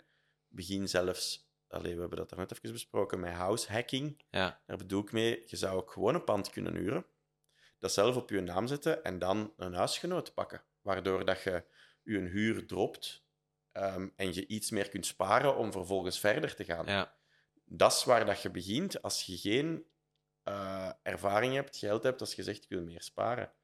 Ik vond het in hindsight, dus eh, op terugkijkend, supergoed dat wij eerst verbouwd hebben met iemand die, die daar ehm, kennis van had en die die, daar kennis van had, was. Ja. waarvan ik kon leren, zodat ik nu in de huizen waar ik kom kan zeggen: Beste aannemer, ik wil niet dat je het zo doet, want ik heb het gezien in andere Ja. huizen, ik wil dat het zo gebeurt. Ja, je zei, je zei ook wel iemand die zich, als je geïnteresseerd bent in een bepaald topic, je daar op een heel goede manier in kunt verdiepen. Ja. Dus je zegt van, oké, eh, ik heb het geluk gehad om met iemand samen te werken die daar veel van kende. Ja, Maar zijn er zo andere bronnen aan informatie die je gebruikt hebt om zo wat in die vastgoedwereld je, je Ehm. bekend te maken of zo daar wat in dat je kunt aanraden voor mensen die daar misschien interesse in hebben? ja. Ehm, ik ben altijd iemand geweest die boeken vastpakte en die allee, als een razende uitlas. Ja, Ehm, dus allee, in, in België is er zo'n boek, ik dacht er nog mee te nemen, maar ik ben hem vergeten, sorry. Eh, die heet Vastgoed rekenen met spreadsheets. Oké, oké. Dat is waarschijnlijk de saaiste boek. Ja? Omdat die echt gaat over rekenen met spreadsheets. Ah, ja, oké. Eh, Ja. Ik ben een sociale wetenschapper. Ik, ik ben eigenlijk niet zo goed in cijfers. Toch niet van oudsher. Maar ehm, ondertussen is dat soort boeken moeten wij lezen, vind ik. Ja, je moet dat wel kunnen begrijpen Ja. om, om aan top te blijven van alle... Ja, gewoon... Ja, In, het is simpel als je goed rekent. Het loopt fout als je fout rekent. ja, Da- daar komt het op neer. Ja. Dus dat zijn boeken. ehm, ik heb ins- meer inspirerende boeken over mensen die een vergelijkbaar verhaal hebben. En wat dat je dan ziet, hoe is hem begonnen, wat is er misgelopen, waar is hem geraakt en wat heeft het opgebracht. Ehm, dat is bijvoorbeeld zo'n boek dat heet dan Steenrijk. ja. Want hè, rijk geworden met stenen, ah ja, interessant. Ehm, maar even goed, de boeken die mij het meest geïnspireerd hebben, of, of wa- waar, waar het echt over gaat, is waarom doe je dat? Ja, misschien kunnen we nu inderdaad die brug maken naar... Ja. Ja. we het over vastgoed al gehad, maar Ja, ja. een beetje de drijfveer erachter van, van waarom. Want als ik met u aan het bouwen ben En je, je merkt dat ook heel erg, mensen die aan het luisteren gaan dat ook merken. Ja. Dit gaat niet voor u om dat geld en zo, van, van Nee. meer en meer en, en Nee. money en miljoenen en Nee. Porsches en dure auto's. Nee. Maar eh die is, Porsches het gaat- wel. Ja, Porsches Nee, wel. nee, nee. Dat kan ik eruit. Porsches wel. Eh, maar nee, maar ehm, als zei het inderdaad, het is, het is echt wel zo voor, voor je levensstijl, een beetje Ja. aan je tijd vooral. Klopt, klopt, klopt, klopt. Eh, Klopt. Ehm, mijn grootste drijfveer destijds kwam uit een frustratie van ik heb te weinig tijd. Ja. Voor mezelf, voor leuke dingen. Voor ons als relatie, voor ons als gezin. Ja, wat ik aan het doen ben is, ik ben aan het werken, ik kom thuis, ik moet eten, ik ga Ja. En dat is totaal niet erg voor een bepaalde periode van mijn leven. Want ik weet dat heel veel mensen daarin zitten en het is kind of normal. Maar ik vond het wel leuk om daaruit te geraken. en wat was, uw, wat was uw denkpatroon dan toen? Eh, hoe kan ik meer tijd creëren? En, en, en pakte dan echt uw, uw tijd, eh, om het zo te zeggen, om daarover na te denken en dat uit te schrijven? Of Ja. maakte je echt zo goals op x aantal jaar? Of is dat gewoon, lag jij s'nachts een keer wakker en dacht je van, pff, ik vind dat echt niet plezant eigenlijk wat ik aan het doen ben? Nee, nee, ik was echt heel gefrustreerd. Ja, oké. Dus ik voelde dat echt als iets aan dat ik wou veranderen. Ja, En wat ik dan wel heb, is dat ik laat dat dan ook niet los. ja, Ik, ik heb daar tot op vandaag niet in gesetteld. Ja. Dat is mijn onrust enerzijds, en dat is initiatief nemen, on- ondernemen met een kleine O, ehm, om daaruit te geraken. ja, En wat u dan inspireert, is, is ehm, boeken als de 4-Hour Workweek. Huh? Kan dat? Zijn er mensen die maar vier uur werken per week? Als metafoor. ja, Ehm, dan lees je dat soort dingen. Of dan lees je de filosofie van een basisinkomen. Ook de, de politiek die nadenkt over een basisinkomen. Van, dat zo... Ken je die filosofie? of Nee, niet? nee. Ah, wel. Dus eh, onder andere Roland Duchatelet, die ken je wel Ja. misschien. Die, die staat daar nogal achter.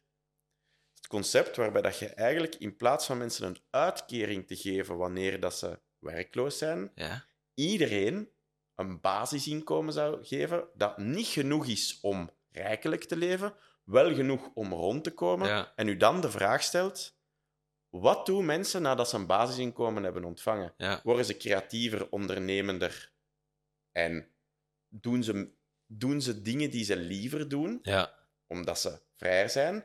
Of worden ze luier, Ja. gaan ze richting het pad van, ja, het slechte pad van, allee, you name it, seks, drugs en roll. ja, Ik, dat vond ik een fantastisch interessante gedachte. ja, Dus alleen wat ik wel wist is, ik moet niet wachten op de overheid. Ik moet een manier vinden om een basisinkomen. ja, Een passiever basisinkomen dan arbeid. Hè? Ehm, dat is wel gelukt. Dus ehm, we zitten in de situatie dat er een basisinkomen komt uit een vastgoedportfolio. Dat is niet zo passief als misschien gehoopt had. Er zijn ook nog passievere manieren, Ja. hè? ETF's en zo. Ook, ook, ook oké. Maar ik zit op dat punt vandaag. Wat doe ik dan? Now what? ja, So you have a basic income? Now what? ja, Ehm, boeiend voor mijzelf, want ik word wel geconfronteerd met... Wat worden nu, Bram? Worden luier of worden creatiever? Worden Ja. ondernemender of blijven hangen? ja, En beide zijn waar. Er zijn dagen dat ik echt denk... Fuck, ik verveel mij een beetje. ja, Hè, wat een luxe probleem is in deze wereld. En er zijn andere dagen dat ik zeg... Fuck, yes, ik heb iets nieuws kunnen ontdekken. Ik Ja. heb tijd kunnen geven aan... Dat kan zijn gezien, maar dat kan ook zijn aan een creatief nieuw onderwerp, aan iets leren, aan een nieuw ondernemend idee Ja. te bedenken. En ehm, dat is de why. ja, Ik wil een beter leven. Voor mij heeft dat te maken met... ehm, ja, ik, ik verander wel eens van idee. Ik ben niet voor niks freelancer. Hè. Ik heb variatie nodig. Ik ben tijdelijk zeer invested in iets en geef alles. En dan wil ik graag iets anders gaan doen. ja, Ehm, dan neem je weg dat ik het vak van recruiting 12 jaar heb gedaan, dus daar zit wel een zekere stabiliteit in. Maar ik wou dat in verschillende contexten doen. Ja. Dat is hetzelfde met dat ondernemerschap, met de kleine O. Vastgoed is een middel dat mag draaien, maar dat mag niet al mijn tijd consumeren. Nee. Is geen passie. Een passie is tijdelijk alles leren over wijn. Tijdelijk alles leren over tennis. Dat leerde niet van een dag op een andere. Nee. Zeker niet als je dat begint te doen als je 30 plus bent. Allee, alles werkt tegen. Want je hebt nu echt zo coole hobby's ook, hè? Ik heb, ik heb, eh, ik heb eh, zeker hobby's die ik een passie noem. Dus ik heb, eh, ik heb onder andere een tijd geleerd om pizza te bakken in een houtoven. Ja, Toch wel zes maanden over gedaan. waar ik ook echt van van ben. Ik vind dat ook Ja. de max om... eh We zijn ook gaan eten in Orso. Hè. Ja. Kennis was goed. hè. toch zo een meer goede pizza's. Zo. Mensen die eh, pizza kunnen gaan eten in Antwerpen. Ja. zo, dat was echt ja, aanrader. Voilà.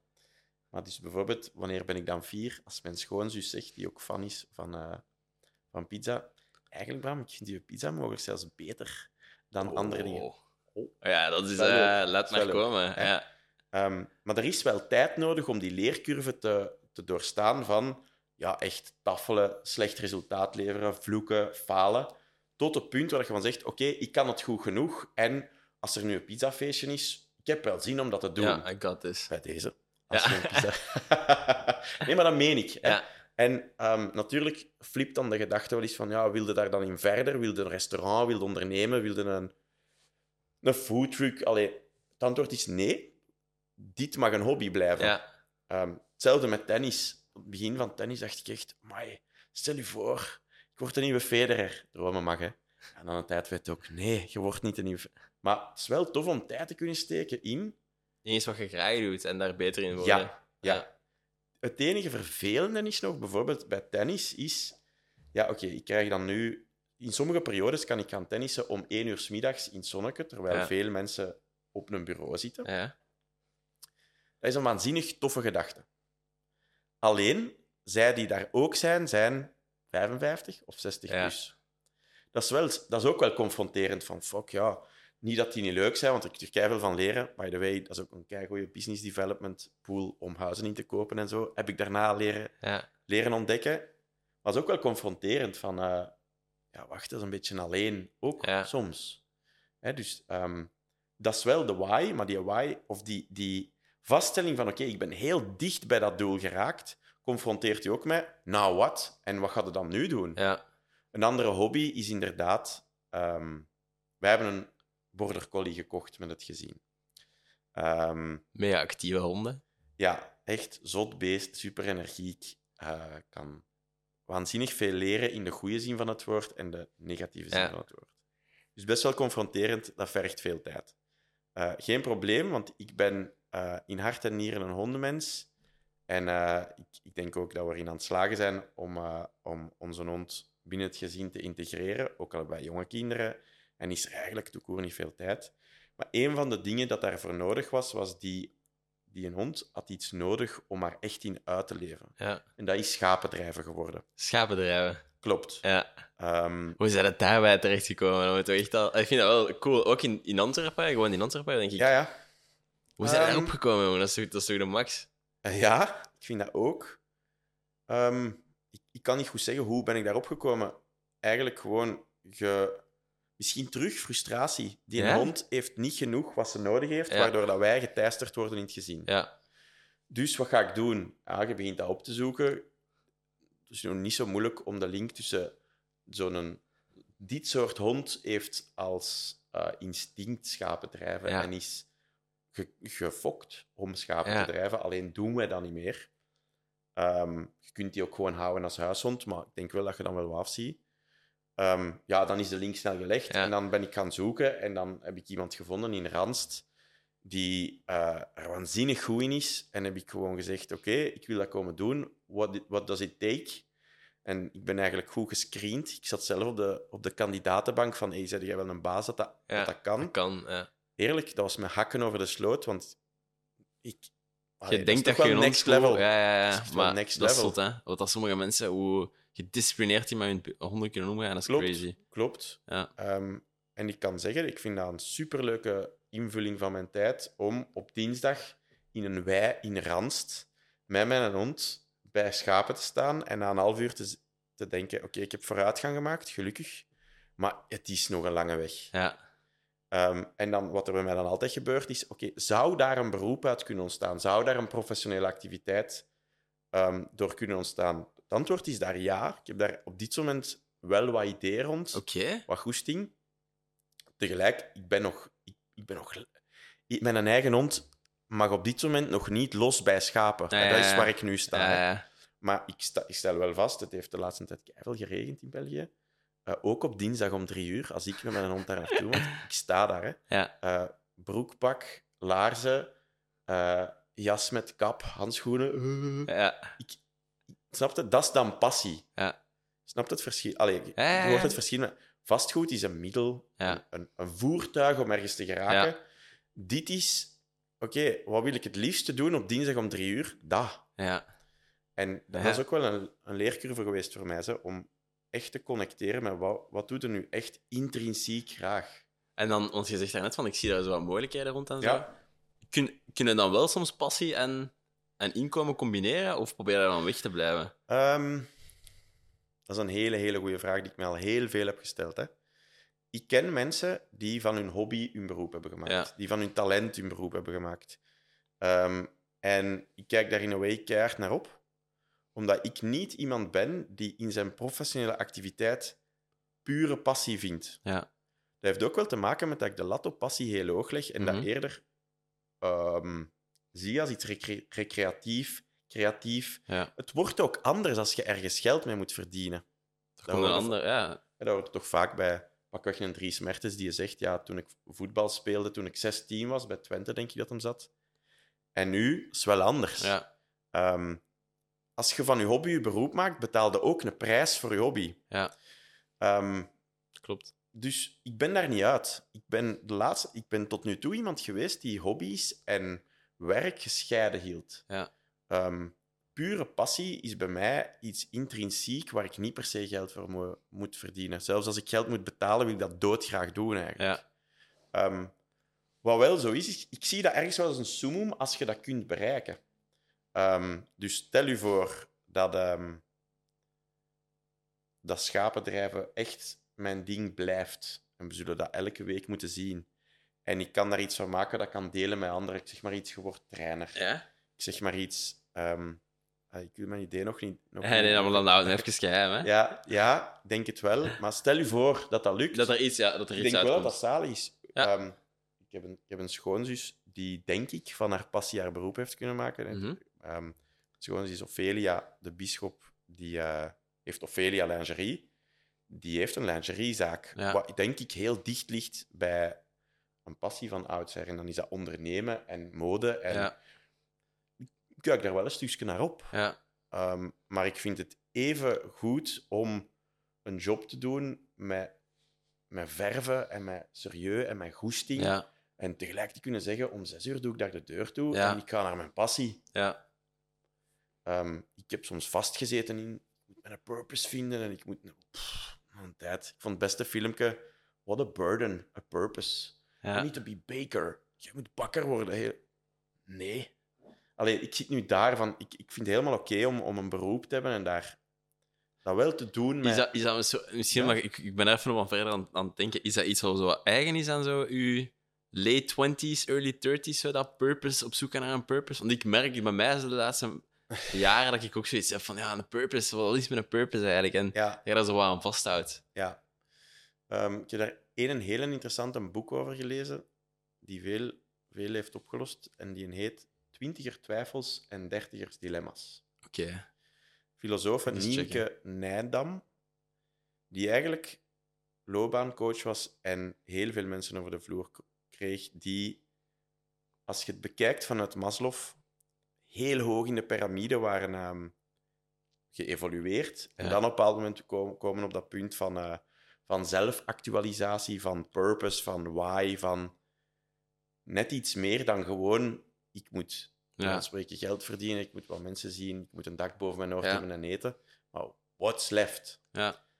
Eh, voor mij was dat alvast deel van 25 jaar tot 36 jaar. En dat hoeft ook niet te stoppen, omdat ik dat eigenlijk een heel boeiende vraag vind. Mogelijk zelfs de zin van mijn leven. Ja. Af en toe vind ik dat ook en voel ik, wauw, zalig. Ja. En dan gaat dat soms ook weer weg, omdat je iets anders wilt. Ja, ik, ik wou net zeggen, ik denk dat purpose is zo niet... Er is niet zo één purpose, denk ik. Ik denk dat je zo... Nee. Dat verandert met de tijd, met je omgeving en Nee, klopt. de situatie waar je in zit. Dus ik vind het inderdaad een interessante gedaan. Ja, klopt. Wat wel juist is, is dat als je het goed hebt, ehm, wat wij, allee, wat wij, wij hebben het goed, denk ik, Ja. dan is het ook niet onlogisch dat je op een bepaald moment je afvraagt, ja, maar wat, wat, what's next? En ehm now what? Wat is er nog? En vind ik die vraag super relevant. Ja. En wens ik iedereen toe dat hem daar op zijn minst af en toe eh, een stap in zet en, en ja, tevredener wordt. Zijt je iemand die zo vaak in die what's next periode zit? Ja, Toch wel. Ik merk, dat, ik merk dat ik herken u, allee, mezelf een beetje in u ook op dat vlak. Oké. Ik merk dat wel dat je dat precies ook wel zo. Zo aan de pizza aan het eten zijn en oorzo dat je denkt van. Oh, we gaan samen pizza's gaan maken. Of zo, Ja, dat je zo mee bezig bent of zo. Ik vind dat Maar- wel, ja. Maar dat is zo de ondernemerskriebel of de initiatief of ja, ik ben zo en eh, ik heb daarmee leren leven, want soms is dat heel vervelend en, en vermoeiend, ook voor je omgeving. En, en kun je daar al wat tips en tricks op geven? Wat doe je dan? En dat is dan echt persoonlijk, maar mensen Nee, nee, nee, misschien nee, nee, interesseren. nee. Ik vind dat, ik vind dat echt Welke tip zoekt je dan of op welk vlak zoekt je dan advies? Ja, wat dat je zegt, hoe dat je dan misschien jezelf eerst en vooral zo wat kunt begeleiden op dat vlak. Dat je zo Ja. je voetje op de grond kunt houden, Ja, dat je ja. daar misschien wat meer aan vast in kunt vinden in, in jezelf. En natuurlijk naar je omgeving ook, want mijn vriendin die moet ook volgens mij zot worden van eh mijn miljoenen business-ideeën en, en ja. 50 ondernemingen en whatever. Dus Ja. Of net niet, of dat vindt ze ook aantrekkelijk, of ze vindt dat ook Ja. boeiend en inspirerend. Want dat is wel wat ik ook vaak hoor: van ehm, blijf maar wie je bent. En eh geïnspireerd ook wel, enerzijds. Ik krijg ook wel eens feedback van ja, dat ehm, moet vermoeiend zijn. Ik kom ook mensen tegen die perfect tevreden zijn. By the way, niet zoveel, hè. Nee. Maar ik kan leven met de situatie hoe het Ja. is. Het antwoord voor mij is een stukje blijven kijken naar wat er wel al is, in plaats van altijd te zien naar wat, wat is er nog niet en hoe kan het ja. beter. Tevreden zijn met, als je even rondkijkt, Samuel, waar. appartement is mooi, eh, groot, hier staan leuke spullen. ja, Je hebt een toffe job, je hebt blijkbaar een toffe vriendin. Ehm, dat is waar. Ja. er staat een heel toffe fiets in uw slaapkamer waar je nog niet op rijdt. ja, nee, maar ehm, dat, is één, dat is een deel van de puzzel. Dat is waar. Ja. Tevreden zijn met wat je hebt. En, en daar dan niet stoppen, vind ik ook een ander deel van Ja. de puzzel. Blijven blij zijn met het leven, verwonderd zijn, nieuwsgierig zijn, uitzoeken, boeken lezen, praten met mensen. Dankbaar zijn dat je een podcast mocht komen Ja. doen. I told you, it's a first. Ik vind dat wel nice. Ja. En daarom dat ik die, het thema van uw podcast leuk vind, is zelfontwikkeling, ondernemen en de balans daartussen is gewoon hoe je mijn leven kunt samenvatten. Ja. Ehm, ik ben niet meer de persoon van tien jaar geleden. Ik ben niet meer de vader van negen jaar geleden. Niet meer de partner van... Niet meer de professional van... Ja, dat vind ik wel... ehm, dat is- dat is waarvoor ik het ook doe. Ja. En dan vind ik het tof om eigenlijk te horen: hey, ik, ik loop tegen dezelfde dingen aan. Hoe heb je dit gedaan? Of "Amai, ik heb dat totaal anders opgelost. Of in godsnaam vastgoed, waarom zouden dat doen? Ja. Dommerik. Ja, om zo Hè? verschillende perspectieven te krijgen, natuurlijk. Hè? En dat begint ook met eerlijk toegeven: nee, soms ben ik niet gelukkig. Of nee, ik ben niet tevreden genoeg. En dan soms te horen van: hey, Tim, die gast. Je zei, zie waar je staat en zijn Ja. content. Dat werkt even. En dan ook gewoon zeggen: bijvoorbeeld, het laatste gesprek met mijn vrouw was van: Ik vind, Bram, dat jij veel te snel vrijwilligerswerk benoemt. Dat is, dat is niks voor mij. Ja. Is dat daar gelijk in? Dus ik heb mij ingeschreven voor bepaalde zaken die dan. JAR heet dat. Youth at Risk. Ja. Dus dat is iets dat ik al lang ken. En dat ja. ik nu denk van, oké, ik ben op het punt dat ik daar echt tijd in wil gaan steken. Ja. Zoek dat uit. Voilà. Ja. Dus ja, je zou ook kunnen zeggen, het is goed, ik blijf in mijn zetel Ja, zitten. voilà, maar het is dat. Nee, ik niet. Ja. En ik hoop eigenlijk gelijkgezinden te vinden die, die vragen stellen over dingen die ik, waar ik misschien bij kan Ja. helpen. Is het vastgoed? Is het vastgoed? Maar de leukste vragen, de leukste onderwerpen vind ik, ja... ehm, ik heb deze dromen of ideeën over mijn leven. Hoe kan ik daar raken? Hoe kan ik daar geraken? Wat houdt u tegen? Waar moet ik misschien rustig in zijn? En waar mag ik echt wel ambitieus zijn? Ja. Ehm, ik denk niet dat ik daarmee wil stoppen. En ik zou dat ook niet aanraden aan anderen die, die goesting hebben. Ja. En ik, heb het geluk gehad om een paar keer te springen al. En dan chance te hebben en hard voor te werken in de richting van: oké, dit wordt een succes. Het lukt. Ja. Ik kan wel zeggen dat ik daar fier op ben en dat ik daar gelukkig van word. En eh, ik heb ook al tien keer meer niet gesprongen en angst gehad en het niet gedaan. En ik ben wel tot de conclusie gekomen: ik heb veel liever eh, spijt van iets dat ik gedaan heb. Ja. het is mislukt, whatever. Dat is een goede ingesteldheid. Ja. Want het stopt, het stopt toch niet. Ik kan heel moeilijk iets niet doen. Ja, Dat is trouwens een werkpunt, want sommige dingen moet je gewoon niet doen. ja. Soms ook gewoon. Ik denk dat er heel veel verhalen achter eh, of, of nog van kunnen komen. Ja, dat is juist. Eh, Maar wat, ik- wat ik bedoel is, soms, soms schat je je eigen correct in. ja, Soms schat je, dat soort type job moet ik niet doen. Fine. ja, maar dat, soms weet je dat ook pas als je het gedaan hebt. Hè. Soms Klopt. moet je dat gedaan hebben om... Soms Om moet je solliciteren om te weten dat die job niks voor u is. Ja. En soms solliciteerde en je weet het niet, maar komt uit dat je het wel wordt. Ja. Ja. dat is daar interessant. Soms moet je een, in een appartement hebben gewoond om te beseffen, deze is niks voor mij. Ja. Inderdaad. En, en jezelf een beetje slack geven als je die dingen doet en, en je eigen daar niet te hard mee, Ja, mee in het verleden confronteren of zo. En, ja. En als dat dan de definitie is van ondernemen, dan hoop ik dat we allemaal ondernemend zijn. Ja. Allee, probeer eens iets, springt eens, faal eens. Dat is wel, daar, daar Ja. leer je veel uit. Eh, zo zo Ja. kijk ik een beetje naar het leven. Het zou echt al een mooie, mooie afsluiter zijn. eh. ja, maar ik wou misschien, misschien nog een paar, een paar vragen, een paar dingen Ja, die ik zeker graag. van u eh, wil weten. Gewoon heel kort, ik zag dat je iets had vermeld. ehm ja, voor mensen misschien niet weten, ik- altijd zo even een voorbereiding van dit kunnen we misschien ja. bespreken. Het is een naar- serieuze podcast. ja, het is een heel serieuze podcast. Maar daar komt naar heel veel, gewoon heel veel interessante topics en, en je had daar echt goed over nagedacht. Ja, En je had ook iets vermeld van een mentor. ja. Daar ben ik wel in, in geïnteresseerd. Ik weet niet of je daar verder op wilt ingaan, maar je zei van het belang van een mentor of zo. En Ja. ja, ik zou willen weten wat je daar dan ja, ja. concreet mee, mee bedoelt en, en, en op welke manier dat een mentor iemand kan helpen of u geholpen heeft in het verleden. Ja.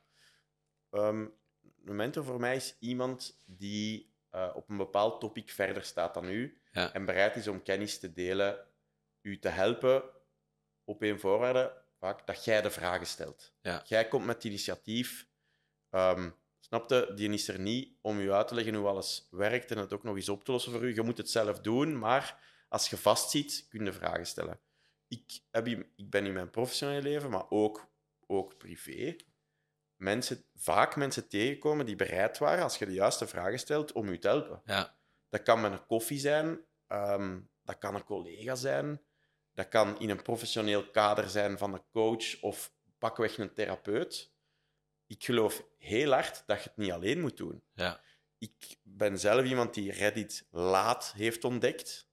Dus eh, een forum waar dat je eigenlijk gewoon opgeeft wat je thema's zijn en dan voelt dat ehm, in België, maar ook in Europa en wereldwijd nog mensen daarmee bezig Ja. zijn. Bijvoorbeeld de Fire Community. dat is die Be Fire heet die zeker, die groep. B-Fire heet die in België en dan zijn er nog ah, andere het groepen. andere ook nog. Ah ja, waarschijnlijk, ja. Ja. Het is wel straf om te zien als, als ik daar wat in ehm, actief was en, en enerzijds advies gaf en bereid was om vragen te beantwoorden. En dan vragen, ik bedoel, vragen stelde en ook dingen in posten van deze is mijn situatie. Eerlijk, ik zit weer in die now what. Ja, Zou die eens willen meedenken? Wat heb, wat heb de anderen zien doen? Binnen de 24 uur kreeg ik honderden reacties. ja, Dat was wel echt een keigoed middel tegen zo... Ik voelde me even alleen. ja, En van, fuck ja, wat, ja, wat ga ik nu doen? En ehm, dat is ook mentorship. ja, En dat is heel laagdrempelig. Dat is, dat is gratis, dat is online, dat is zelfs anoniem. Als je, snapte, er zit altijd zo wel wat schaamte of, of Ja. zo, de drempel van, wil ik, durf ik die vraag stellen? En gaan ze me niet dom vinden? Ja. Ehm, ik ken Reddit als laatste element. Ik heb altijd face-to-face contact gezocht. Ehm, ik, ik heb wel altijd vragen gesteld. Ehm, ik heb ook altijd mezelf in de positie gezet van... Ben ik inspirerend genoeg of mag ik die vragen hier stellen? Ben ik die mensen een tijd niet aan het verspillen? Ehm, en meestal, als je gewoon eerlijk ook durft zeggen van... Ja, niet sorry dat ik het vraag, maar toch ergens... Hey, Ja, merci ja, dat je dat wilt doen. Wel. Dan, dan creëer je ook wel... manier. Ja. Dan creëer je ook wel zo'n soort van gelijkwaardigheid. Dus dan, dan ging je soms ook echt naar mensen die je niet kende en zei van, hoe heb je dit aangepakt? Of was dat soms zo mensen die je dan via via toch Kijk, al... ik- een van de chicste voorbeelden, ehm is misschien een outlier, maar dat is wel in mijn leven gebeurd. Op een bepaald moment, helemaal in het begin van mijn carrière, loop ik stage bij een consultancybureau en ik kom daar iemand tegen die niet eens mijn stagebegeleider was, maar me zich wel een beetje ontfermde over mij. Ja, Dat is uitgegroeid tot iemand waarmee ik samen een appartement heb gekocht als investering. We hebben ook terug geflipt en verkocht. En die ik deze morgen heb gezien in een koffiebar op een vriendschappelijke manier. ja, eh, pratend over de topics waar we het nu over hebben. Ja. Dat is geëvolueerd van mentorship, want wat ik daar allemaal aan heb gevraagd van... Dat was de eerste vijf tot tien jaar van mijn carrière. De eerste vijf jaar van mijn carrière heel Ja. nauwgezet. En, en dan over dat appartement en bla bla bla. Ja, dat is wel heel veel waard. Ehm, iets wat start als mentorship kan ook gelijkwaardiger worden en vriendschappelijker worden, of kan stoppen, of kan tijdelijk zijn. Ja. Ik heb daar wel heel veel aan gehad. Ehm, als je een mentor zoekt, dan moet je denk ik beginnen met vragen stellen en oprecht. En ehm, wel ook respect hebben voor die, voor die andere man, zijn, zijn tijd, Ja. expertise. En respect voor soms geen antwoord krijgen, omdat ik soms ook wel in de positie nu word van ja, je stelt een vraag, maar oei, er zijn nog honderd andere dingen. Hoe kan ik u nu een antwoord geven dat u niet gaat demotiveren en tegelijk Ja. ehm, ja, wel ergens op weg zet of zo? Ja.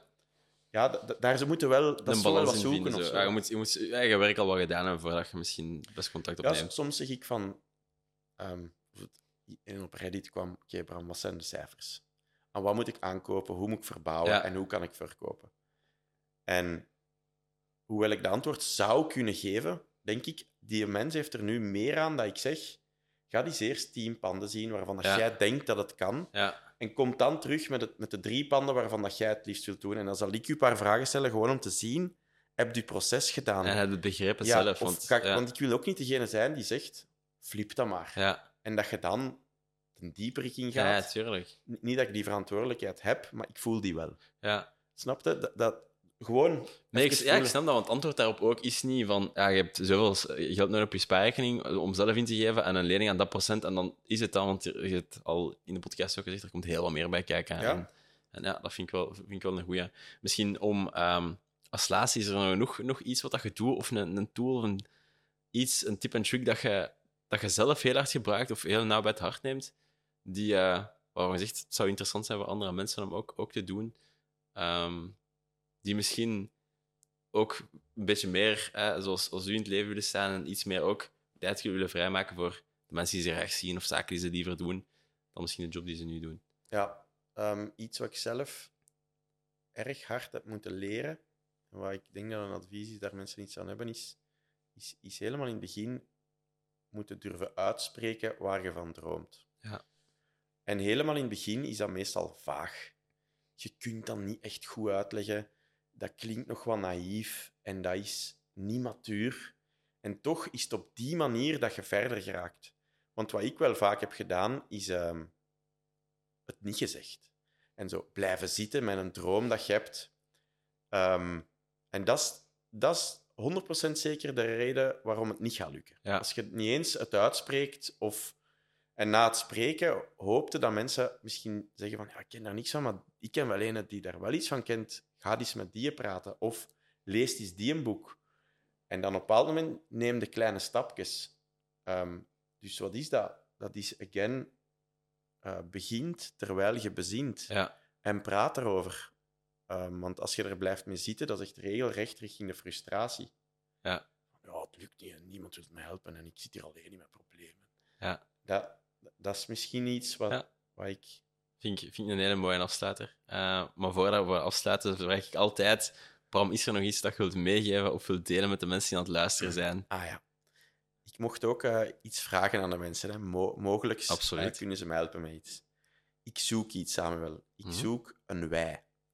Dus een weide, een veld, waar ik eventueel schapen drijven naar, het, naar de volgend niveau kan brengen. Oké. Ik, bedoel, ik kan dat nu één keer doen op een week in Randst bij een fantastische trainer. Maar ik denk, als ik het verder wil nemen, dat ik ergens een, een plaats nodig heb. Dus, als er iemand, liefst in de zuidelijke regio van Antwerpen, dus eh Wilrijk, Edegem, Mortsel, eh Contig, Hoven, Boeghout. dat, is, met de fiets bereikbaar. Eh, een heeft staan waar van denkt, hé, hey, dat gras, dat staat hier te lang en ik wil het niet afrijden. Mag ik daar dan met schapen naartoe komen en een hond, om dat te onderhouden en ondertussen wat te oefenen op iets wat mijn passie is? Stel je voor dat iemand iemand kent en ze willen via de podcast, via u of via mij, via LinkedIn of zo, ehm, daarop terugkomen. Dat zou fantastisch zijn. Zalig. Eh, wie, Ja. weet, wie weet. Ik zet uw contactgegevens in de, in de beschrijving. Dus mensen die een veld hebben voor een Bram, hit Ja. hem up. En dan eh, Ja. gaan daar gewoon schapen komen. Hoe cool is dat? Yep. En uw hond. Zalig. Goed, Bram, bij deze. Merci om, om langs te komen. Ik vond het enorm interessant om eens een keer een babbel te doen. En eh, tot de volgende keer. Merci. Merci dat ik mocht komen. Dank u wel. Heel graag gedaan. Bye bye.